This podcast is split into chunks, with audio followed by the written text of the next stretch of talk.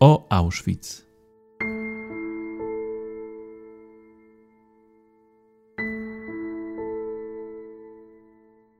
Historia obozu Auschwitz jest niezwykle złożona. Łączył on dwie funkcje: obozu koncentracyjnego i ośrodka zagłady. Nazistowskie Niemcy prześladowały w nim różne grupy ludzi, a kompleks obozowy nieustannie rozbudowywano i przekształcano. W podcaście o Auschwitz mówimy o historii obozu oraz o naszej współczesnej pamięci o tym szczególnym miejscu.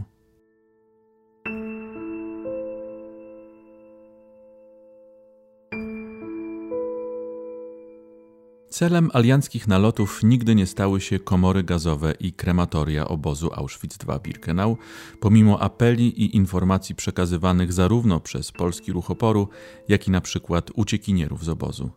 Kilkakrotnie natomiast lotnictwo amerykańskie dokonało nalotów na instalacje petrochemiczne fabryki IG Farben Industry, znajdującej się w odległości 7 km od obozu macierzystego. O kwestii bombardowania obozu opowiada dr Piotr Setkiewicz, kierownik Centrum Badań Muzeum Auschwitz. Z historią funkcjonowania obozu Auschwitz wiążą się również m.in. zagadnienie informowania świata o zbrodniach mających miejsce w Auschwitz oraz reakcji świata na te wiadomości. Wiadomo, że meldunki o egzekucjach i wysokiej śmiertelności w obozie docierały do Komendy Głównej Związku Walki Zbrojnej Armii Krajowej w Warszawie, skąd przekazywano je drogą radiową do Londynu. Tam rząd polski próbował podjąć starania mające na celu zbombardowanie obozu Auschwitz. Co osiągnięto w tej sprawie i czy w ogóle bombardowanie obozu było wówczas możliwe? W tym czasie praktycznie można było rozważać jedynie zaatakowanie obozów Auschwitz w taki sposób, ażeby umożliwić więźniom e, ucieczkę. I takie były główne założenia pierwszych projektów, które e, zaczęły się rodzić już na początku 1941 roku. Niewątpliwie pod wpływem raportów, które docierały z Auschwitz właśnie do Warszawy i później do Londynu. Wiemy, że już na początku stycznia kapitan Zamojski, adiutant naczelnego wodza generała Sikorskiego, zwrócił się z taką prośbą do władz brytyjskich o dokonanie nalotu bombowego na obóz koncentracyjny Auschwitz. Z tym, że jak się wydaje, jedynymi celami, które były wówczas rozważane, to właśnie ogrodzenie obozowe oraz e, skład amunicji. Wówczas to w Auschwitz funkcjonowało e, jedno tylko krematorium, nie istniała jeszcze komora gazowa. E, zatem celami potencjalnymi no, mogły być ewentualnie jeszcze koszary załogi obozowej. Więc tak to sobie przypuszczalnie wyobrażano. Zniszczenie drutów kolczastych spowoduje, czy możliwi właściwie więźniom, podjęcie jakiejś grupowej ucieczki. I tutaj bardzo charakterystyczna jest odpowiedź, którą na ręce generała Sikorskiego przekazał marszałek lotnictwa Richard e, Piercy, który stwierdził, że z przykrością informuje rząd polski, iż zdaniem brytyjskich strategów taka akcja byłaby niepraktyczna. To jest bardzo charakterystyczne, ponieważ w późniejszych odpowiedziach, właściwie aż do 1944 roku, w takich stanowiskach, które były artykułowane zarówno przez Brytyjczyków, a później również przez Amerykanów, te same sformułowania się pojawiają. Otóż ta niepraktyczność polegała na tym, że Auschwitz znajdował się przede wszystkim z dala od lotnisk alianckich, że cele, które były proponowane do zaatakowania są stosunkowo nieduże i trudno by było zagwarantować wystarczającą precyzję, ażeby osiągnąć owe zamierzenia. To znaczy pewnie chodziło tutaj o to, że no raz, że cele były nieduże dla dużych, ciężkich samolotów bombowych, e, dwa, że podczas takiego bombardowania mogłyby zostać trafione e, budynki, w których przebywali więźniowie, co spowodowałoby rzecz jasna liczne ofiary w e, ludziach. No i drugi taki bardzo częsty argument, już wówczas formułowany, to to, że w sytuacji, gdy toczy się wojna, nadzwyczaj ważnym jest, ażeby skoncentrować wszystkie wysiłki lotnictwa bombowego na atakowaniu wybranych celów strategicznych Niemczech. W związku z tym niejako na taką e, poboczną operację Brytyjczycy nie chcieli się zgodzić. I W tym czasie rzeczywiście można stwierdzić, że zaatakowanie Auschwitz za pomocą ciężkich samolotów bombowych byłoby operacją niezmiernie trudną, czy wręcz niemożliwą do przeprowadzenia. To znaczy, wiemy, że już 15 lutego 1941 roku w pobliżu Auschwitz pojawił się pierwszy brytyjski ciężki bombowiec który to wedle meldunków niemieckiej obrony przeciwlotniczej zrzucił w rejonie Pszczyny materiały propagandowe, ulotki w języku polskim, e, radiostacje, ładunki wybuchowe, pistolety itd. Tak itd. Tak, tak przynajmniej to Niemcy w tych raportach określali. Natomiast tak naprawdę był to samolot, który zbłądził i zupełnie przypadkowo w rejonie Skoczowa dokonał zrzutu polskich agentów, kurierów e, rządu polskiego. Z wielkimi problemami zresztą ludzie ci e, zdołali się później przedostać przez granicę do generalnego gubernatorstwa. Zwłaszcza tutaj istotnym mógł się e, okazać polski kurier o e, nazwisku Czesław Raczkowski, pseudonim Orkan, który został niestety właśnie podczas próby przekroczenia granicy z generalnym gubernatorstwem aresztowany przez Niemców ale ponieważ nie była dla nich e, wiadoma jego tożsamość i cele jego pobytu w e, Polsce, także po prostu potraktowano go dzięki dobrym, fałszywym dokumentom, potraktowano go jako zwykłego przemytnika i osadzono w więzieniu w Wadowicach. Także później e, został on wydobyty, czy też wykupiony przez członków Polskiego Ruchu Oporu i co ciekawe, trafił on do Wojciecha Jekiełka, który był jednym z liderów przywozowego ruchu oporu. Trudno powiedzieć, jakie informacje otrzymał on wówczas od Jekiełka. Ewidentnie musiał on opowiedzieć mu o obozie Auschwitz, tym niemniej problem leży w tym, że po jeszcze dość długim pobycie w Polsce, kiedy to Raczkowski starał się przedostać z powrotem do Wielkiej Brytanii, został aresztowany w Budapeszcie, później był więziony w więzieniach w Wiedniu, w Pradze, w Warszawie, ostatecznie znalazł się w Grozrozen. Także bez względu na to, co dowiedział się, w, będąc tutaj w rejonie Oświęcimia, i tak te informacje do mm, Wielkiej Brytanii się nie przedostały. Powiedział Pan o incydentalnym, przypadkowym przelocie w okolicach obozu. Czy takie przypadki miały miejsce częściej, czy, czy to był rzeczywiście tylko jednostkowy przypadek? Sam fakt, e, iż e, samolot brytyjski był w stanie dotrzeć e, do Auschwitz, wskazywał na to, że teoretycznie tego rodzaju misja byłaby wówczas możliwa. Natomiast z meldunków niemieckiej obrony przeciwlotniczej z rejonu Śląska czy pogranicza właściwie Śląska i Małopolski, wynika, że zdarzały się wówczas dość częste przeloty y, samolotów bombowych y, nad tym terenem, z tym, że były to y, wedle wszelkiego prawdopodobieństwa w głównej mierze samoloty rosyjskie. Wynikało to stąd, że Rosjanie nie posiadali jakiegoś szczególnie rozbudowanego mm, lotnictwa bombowego, Zatem, aby w jakiś sposób działać na szkodę e, Niemiec, e, wysyłali oni e, małe grupy samolotów, czy też nawet pojedyncze samoloty, które przelatywały nad zagłębiem przemysłowym Górnego Śląska i od czasu do czasu zrzucały gdzieś tam bomby, no oślep właściwie, zazwyczaj w nocy, Miało to sens o tyle, że każdy taki przelot e, angażował niemiecką obronę przeciwlotniczą. To znaczy wtedy trzeba było ogłosić alarm, robotnicy z fabryk musieli udać się do schronów i tak dalej, i tak. Także to dezorganizowało w jakiejś mierze e, niemiecki przemysł w tym rejonie. Że Niemcy po pewnym czasie zorientowali się, że te przeloty samolotów sowieckich nie stanowią jakiegoś poważniejszego zagrożenia, także e, stwierdzono, że w sytuacji, kiedy rozpoznany zostanie przelot pojedynczego samolotu lub do trzech samolotów, wtedy nie należy ogłaszać alarmu i robotnicy mają pozostać na swoich stanowiskach pracy. Te pojedyncze i incydentalne zdarzenia, owszem, miały miejsce i w 1942 i 1943 roku, aczkolwiek e, nic nie wskazuje na to, że w tym czasie nad e, pograniczem Śląska i Małopolski, nad Oświęcimiem, mogły pojawiać się jakieś poważniejsze eskadry e, samolotów.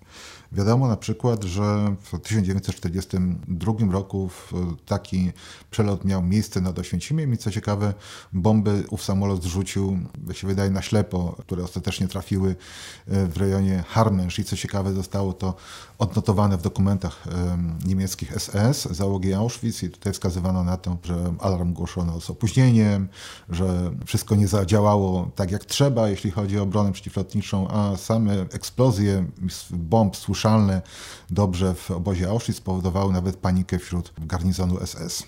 Czy fakt, że w 1942 roku e, mamy do czynienia już z rozpoczęciem procesu zagłady w Auschwitz, zmienił cokolwiek w kwestii bombardowania tego obozu? W dalszym ciągu niestety nie. To znaczy wiemy, że już od e, czerwca, lipca 1942 roku takie meldunki o rozpoczęciu masowego zabijania Żydów w komorach gazowych w Auschwitz zaczęły docierać do Warszawy. Co więcej, na przełomie lipca i sierpnia w pobliżu Oświęcimia e, przebywał porucznik Napoleon Segida, kurier rządu polskiego, który miał rozpoznać sytuację e, w pobliżu Auschwitz i takie e, informacje otrzymał on od członków przyobozowego ruchu oporu. I po przedostaniu się do Europy Zachodniej, pierwsze takie informacje przekazał przedstawicielom rządu polskiego. Później z pewnymi problemami zdołał on dotrzeć do Wielkiej Brytanii dość sporym opóźnieniem. Niemniej już mniej więcej na początku 1943 roku napisał on dość obszerny raport, w którym to e, znalazły się informacje e, również o pierwszych akcjach zabijania, masowego zabijania Żydów e, za pomocą gazu.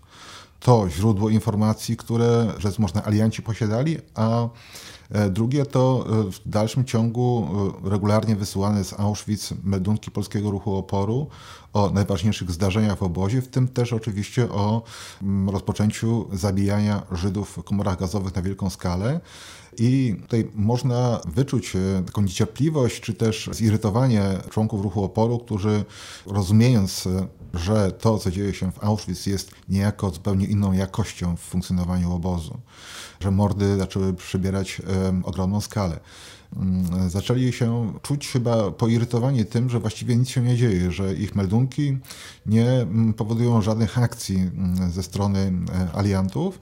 I tutaj mamy taki bardzo charakterystyczny raport przesłany do Warszawy, w którym to proponuje się, że no, trzeba coś koniecznie zrobić, że należy wysłać tutaj bombowce, jak to w tym e, raporcie e, określono, ptaszki które powinny przylecieć i dokonać bombardowania, aż wreszcie w tymże raporcie można napotkać takiż to pasus, iż jeżeli polscy lotnicy są w stanie przylecieć Atlantyk, y, jeżeli samoloty alianckie w ogóle pokonują takie odległości, to przecież nie powinno być żadnym e, technicznym problemem e, dotarcie nad Auschwitz i zrzucenie bomb. I tutaj dość naiwnie proponowano, że jeżeli alianci, czyli Anglicy czy Amerykanie nie chcą podjąć się takiej akcji, to przecież są polscy piloci, którzy by niejako w akcie e, niesubordynacji mogli na własną rękę dokonać takiego bombardowania. Oczywiście było to niemożliwe i trudno sobie wyobrazić, żeby taka akcja mogła mieć miejsce. Niemniej e, no, świadczy to o jakiejś desperacji ze strony członków ruchu oporu i no, rozumieniu tego, że to, co e, dzieje się w Auschwitz, przekracza e, wszystko to, z czym więźniowie mieli dotąd do czynienia. No i wiemy, że jeszcze w 1943 roku miała miejsce taka akcja, która doprowadziła do e, zbombardowania, trudno powiedzieć na większą skalę, bo tu chodziło o dziewięć bomb, które wybuchły e, na obrzeżach e, fabryki IG Farben w Monowicach. Jak wynika znowu z meldunku niemieckiej obrony przeciwlotniczej, samoloty te obniżyły również lot i zaatakowały jakąś wieżyczkę wartowniczą przy, przy obozie. I poczuł się tym bardzo zaniepokojony komendant obozu Rudolf który informując o tym incydencie e, stwierdził, że koniecznie trzeba zrobić coś, żeby wzmóc e, siłę obrony przeciwlotniczej w pobliżu Auschwitz, żeby e, dla celów obrony obozu sprowadzić baterie w szybkoszczelnych działek przeciwlotniczych itd. Tak itd. Tak to generalnie spotykało się z, ze zrozumieniem czy to ze strony zwierzchników mm, Hysa, czy też wiązało się to z generalną próbą wzmocnienia obrony przeciwlotniczej, no zwłaszcza w wielkich zakładów przemysłowych i w pobliżu Oświęcimia. Tutaj e, rzecz jasna chodziło o fabrykę IG Farben, gdzie tam wzmożono działania na rzecz e, przeszkolenia e, robotników, którzy mogliby tutaj służyć pomocą zakładowej straży pożarnej w razie wybuchu jakichś pożarów. Zaczęto zastanawiać się nad budową schronów przeciwlotniczych, E, stworzone jakieś tam plany działania itd., tak itd. No i wreszcie też widać, że w drugiej połowie 1943 roku sami SS-mani zaczęli się obawiać takiego bombardowania. Powstawały pierwsze plany.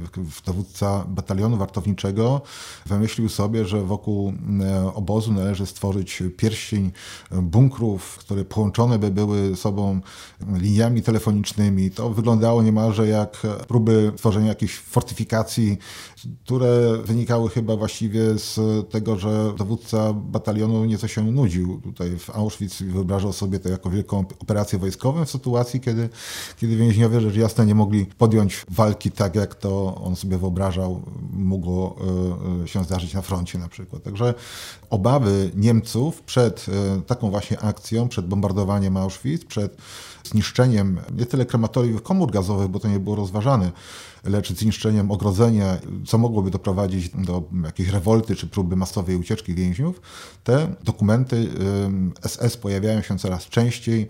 W lutym 1944 roku sporządzono, e, w kwietniu również, sporządzono takie raporty, które miałyby odpowiedzieć na pytanie, jak może zachować się załoga SS w razie właśnie bombardowania, zniszczenia ogrodzenia obozowego i masowej ucieczki ze strony więźniów. Więc tam szacowano, że w Auschwitz znajduje się tylu tylu więźniów, więźniów. W Birkenau, Monowicach i w innych podobozach szczegółowo wymieniano liczbę przebywających tam więźniów, ale generalnie stwierdzono, że no aż tak bardzo nie należy się tego wszystkiego obawiać, bo część z tych więźniów to przecież kobiety, a pozostałych, spośród pozostałych wielu jest chorych i e, przebywa w szpitalach. Więc e, tym niemniej takie plany mocno zaawansowane były przygotowywane przez załogę SS w kwietniu 1944 roku. I co ciekawe, to jest moment, kiedy po raz pierwszy, niemalże tego samego dnia, na początku kwietnia, nad Oświęcimiem pojawiły się po raz pierwszy samoloty rozpoznawcze działające na rzecz 15 Armii Powierzchni Stanów Zjednoczonych, która to stacjonowała we Włoszech. Wtedy to po raz pierwszy tak naprawdę realnym stało się zaatakowanie Auschwitz e, przez większą grupę samolotów bombowych, które po prostu z Włoch miały tutaj bliżej. W 1944 roku alianci są już we Włoszech i e, wtedy też mogli się zapoznać z raportami e, uciekinierów z Auschwitz, m.in. Rudolfa Wrby i Alfreda Wetzlera. Natomiast w Auschwitz w tym czasie rozpoczyna się późną wiosną masowa akcja zagłady Żydów z Węgier. Czy wówczas było możliwe e, bombardowanie linii kolejowych, które wiodły przez Karpaty? Gdyby to bombardowanie miało miejsce, uniemożliwiłoby dowiezienie z terenu Węgier kolejnych transportów Żydów, a tym samym mogłoby przerwać zagładę. Pierwsze przyloty samolotów rozpoznawczych nad Auschwitz były związane z planem zaatakowania instalacji petrochemicznej w Monowicach i generalnie wielką akcją lotnictwa amerykańskiego przeciwko fabrykom niemieckim produkującym paliwa płynne z węgla kamiennego. To cała seria e, bombardowań, które miały w, już od wiosny 1944 roku miejsce, które e, rzeczywiście w wielkiej mierze przyczyniły się do zwycięstwa aliantów.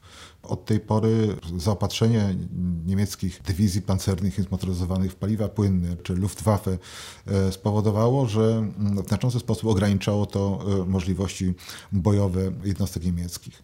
Auschwitz był brany pod uwagę właśnie jako potencjalny cel ponieważ fabryka IG Farben e, niemalże już była ukończona i poprzez takie bombardowania, głównie Amerykanie, mieli nadzieję doprowadzić do tego, ażeby ta fabryka w ogóle nie mogła podjąć produkcji. Prawda? Więc to były główne założenia owych lotów rozpoznawczych i, i, powody, dla które samoloty te, zresztą należące najczęściej do południowoafrykańskich sił zbrojnych, te samoloty typu Moskito pojawiały się nad Oświęcimiem dość regularnie ale ich przedmiotem zainteresowania były przede wszystkim instalacje chemiczne e, fabryki IG Farben. Z tym, że przy okazji niejako to wymuszała ówczesna technika e, wykonywania zdjęć lotniczych. E, sfotografowano również obóz Auschwitz i Birkenau ponieważ pilot przelatujący nad fabryką w Monowicach po włączeniu kamery musiał odczekać pewien czas, kiedy to ów aparat fotograficzny wykonywał serię zdjęć i dopiero później mógł ją wyłączyć, co spowodowało, że na filmach wykonanych nad Auschwitz również widoczny był obóz koncentracyjny i w Auschwitz i w, i w Birkenau. Niestety, jak widać z raportów interpretacyjnych owych zdjęć, specjaliści brytyjscy czy amerykańscy właściwie zupełnie nie zwrócili uwagi na istnienie takich dużych obiektów jak obozy w Auschwitz i Birkenau i koncentrowali wyłącznie swoją uwagę na instalacjach petrochemicznych fabryki. Z tym, że można stwierdzić tutaj, że na podstawie danych z rozpoznania oraz tak zwanych źródeł informacji naziemnych, jak to określano w tych raportach, E, Amerykanie, Brytyjczycy mieli dość dobre rozeznanie co do ważniejszych obiektów w fabryce oraz kilku obozów barakowych, które znajdowały się bezpośrednio przy fabryce IG Farben, w tym też prawidłowo rozpoznali obóz koncentracyjny Auschwitz czy Monowitz. Było to możliwe po pierwsze dzięki e, szczegółowym relacjom pewnego robotnika belgijskiego, który po prostu zbiegł z fabryki i dotarł do e, Wielkiej Brytanii, a dwa e, dzięki to dość szczegółowym raportom polskiego wywiadu przemysłowego, które również były przekazywane do Londynu i zawierały bardzo szczegółowe oceny możliwości produkcyjnych fabryki i wstępne rozeznanie co do tego, jakiego typu obiekty się w niej znajdują i mogą być zbombardowane. To wszystko, co działo się mniej więcej do czerwca 1944 roku nad Auschwitz, było zorientowane właśnie na zbombardowanie fabryki chemicznej i tutaj temat obozu koncentracyjnego Auschwitz czy Birkenau praktycznie w ogóle w tych raportach nie był y, poruszany. Sytuacja zmieniła się dopiero po upublicznieniu, to na największą skalę, mniej więcej to jest od początku czerwca 1944 roku, raportów uciekinierów z Auschwitz, Wrby Wysslera, słowackich Żydów, którzy zdołali dotrzeć do Żliny i później tam skontaktować się z liderami żydowskimi na Słowacji. I te raporty armistyczne w tonie zaczęły być e, rozpropagowywane przez czy to w Szwajcarii, czy, czy w krajach neutralnych i też dotarły ostatecznie do Londynu i do e, Waszyngtonu. Początkowo były wieści te traktowane e, z pewną nieufnością, jak się należy sądzić. Ten czas, który upłynął od złożenia raportów, znaczy od końca mniej więcej kwietnia 1944 roku, E, był dość długi. Niemniej ostatecznie, jak się e, wydaje, po raz pierwszy na tak dużą skalę wielu ludzi uwierzyło w prawdziwość tych e, raportów. Tutaj mam przede wszystkim na myśli no, samych liderów żydowskich. Te informacje o Auschwitz zaczęły się dość mocno pojawiać w serwisach agencji żydowskiej, czy w, generalnie w, w prasie żydowskiej i spowodowało też wystosowywanie bardzo licznych apeli do rządów państw alianckich, żeby zrobić coś, ażeby powstrzymać masową zagładę, no i wtedy, co było najważniejsze, powstrzymać deportację Żydów e, z Węgier do Auschwitz. I tutaj e, pomysłów było kilka. Przede wszystkim chodziło tutaj o dalsze prowadzenie takiej akcji propagandowej, informowanie świata o tych zbrodniach. Dwa, o wywarcie presji na mm, rządy państw alianckich i neutralnych po to, żeby wszelcy uciekinierzy, to zresztą e, stały postulat właściwie mm, mm, organizacji żydowskich, żeby wszelcy Żydzi z terenów e, kontrolowanych przez Niemcy, którzy zdołają uciec do tychże państw neutralnych czy alianckich, żeby nie stawiano im żadnych trudności, żeby otoczono ich opieką itd., tak itd. Tak Oraz co najważniejsze, dwie konkretne propozycje, to znaczy po pierwsze samo zbombardowanie komór gazowych i krematoriów lub też zbombardowanie linii kolejowych, które wiodły z Węgier do Auschwitz. Niemcy deportując Żydów z Węgier starali się przede wszystkim wykorzystać dość peryferyjną linię kolejową, która wiodła nie przez Czechy i Zebrzydowice do Auschwitz, lecz przez bardziej na wschodzie położone Karpaty w rejonie Muszyny, Tarnowa, czyli te transporty miały docierać do Auschwitz ze wschodu. I tam właściwie spośród tych wszystkich dyskusji na temat realności zaatakowania mm, komór gazowych i krematoriów w Auschwitz, które gdzieś tam się toczyły, kiedy i w czasie wojny, zresztą później ten temat już przez wiele lat po wojnie był rozważany, gdzie zastanawiano się, czy takie właśnie bombardowanie nie spowodowałoby wielkich strat wśród więźniów, bo należy przyznać, że rzeczywiście e, celność bombardowania wielkich czteromotorowych bombowców amerykańskich czy brytyjskich była dość nieduża. Także e, istotnie, gdy gdyby skierowano kilka eskadr ciężkich bombowców nad Birkenau celem zniszczenia komór gazowych i krematoriów, przy okazji najprawdopodobniej uległby zniszczeniu obóz e, e, znajdujący się obok i straty wśród więźniów byłyby ogromne. Jeśli by nawet uznać, że taka operacja była technicznie trudna do przeprowadzenia, to z kolei zaatakowanie czy to stacji kolejowych, jakichś stacji rozrządowych e, czy mostów nad rzekami w Karpatach byłoby akcją jak najbardziej do przeprowadzenia. To znaczy bombowce amerykańskie były w stanie dolecieć zarówno do obozu, jak i e, w rejon właśnie Muszyny mogły być wtedy już eskortowane przez doskonałe myśliwce e, typu Mustang, także tutaj jakieś niebezpieczeństwo ze strony niemieckiej obrony przeciwlotniczej, zwłaszcza przy e, atakowaniu obiektów w rejonie Muszyny było właściwie znikome, ponieważ tam Niemcy nie posiadali artylerii przeciwlotniczej. I taka akcja mogłaby w znaczącym stopniu utrudnić Niemcom deportację.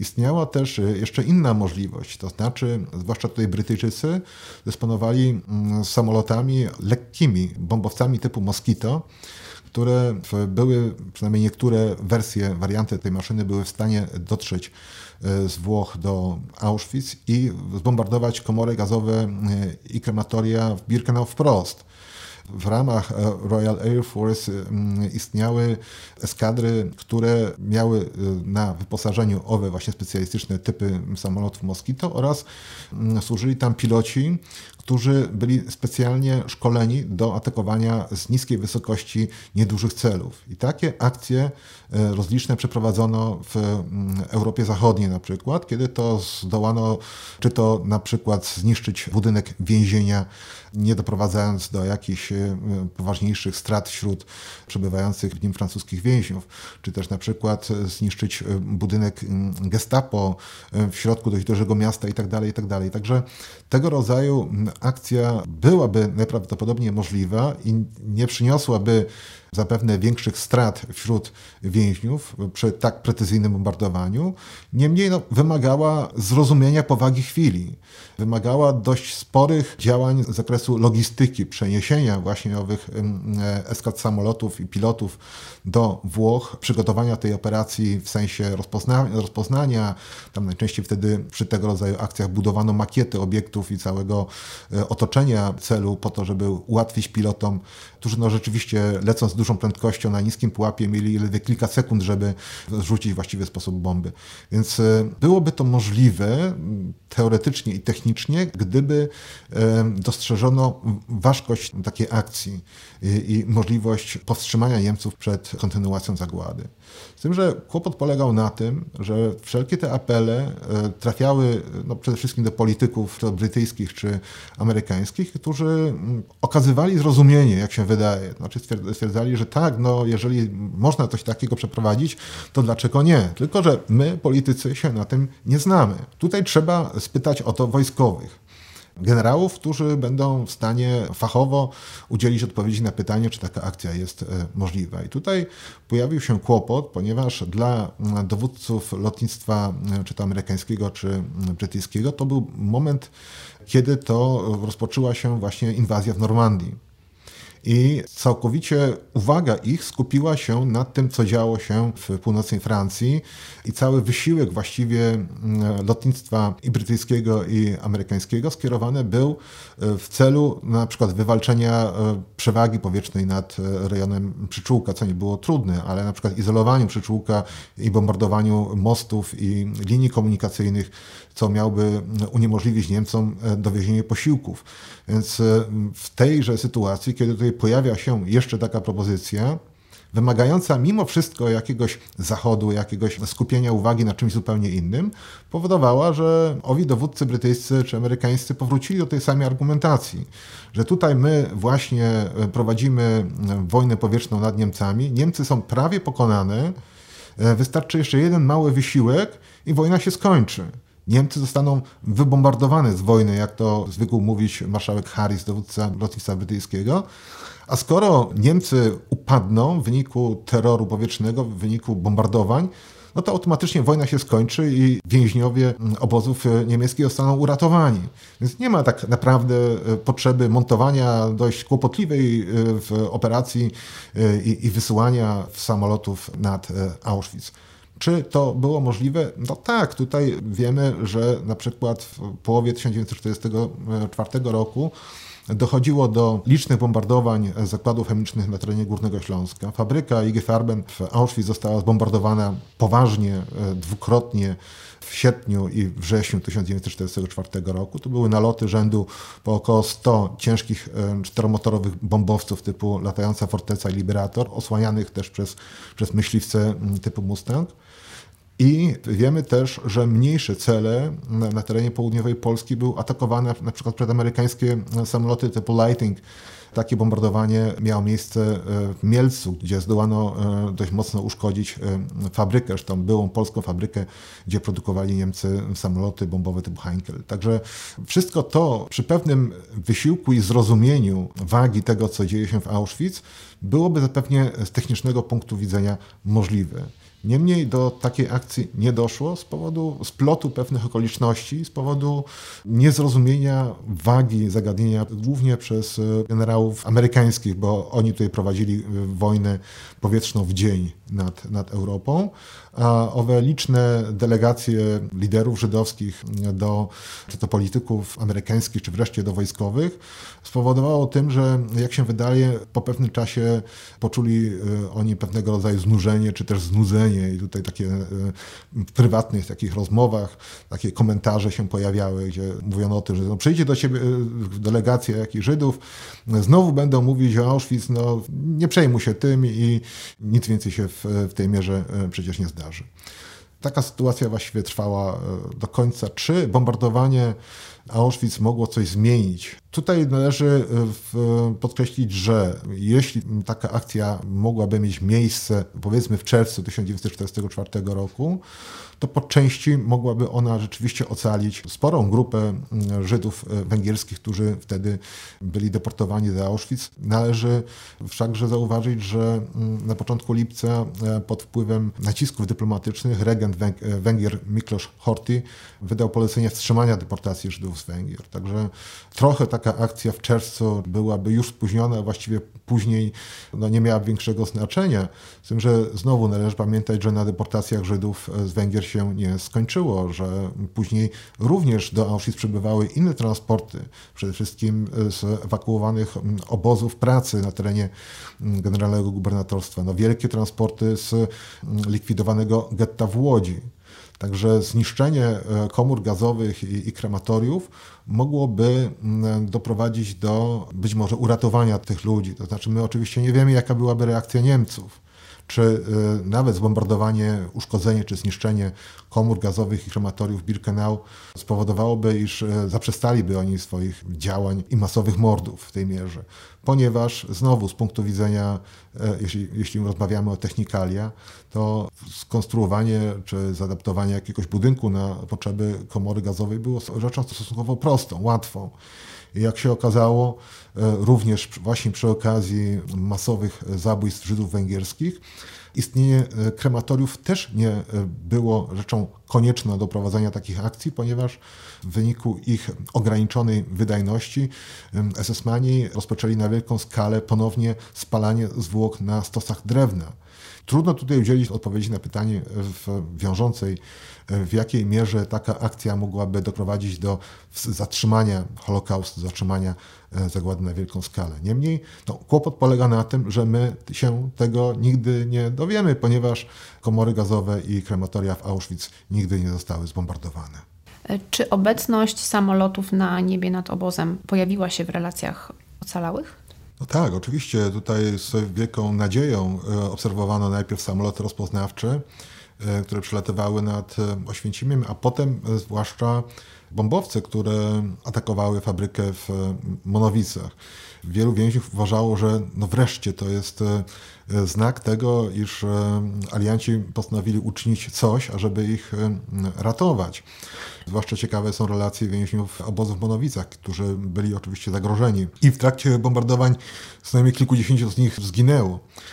Niemniej we wszystkich właściwie relacjach podkreślany był moment bombardowania jako moment radosny. To znaczy wreszcie znienawidzona fabryka wleciała w powietrze, wreszcie nawet więźniowie ranni w czasie bombardowania, niesieni do obozu przez towarzyszy, wykrzykiwali słowa radości, iż no wreszcie, wreszcie alianci przylecieli.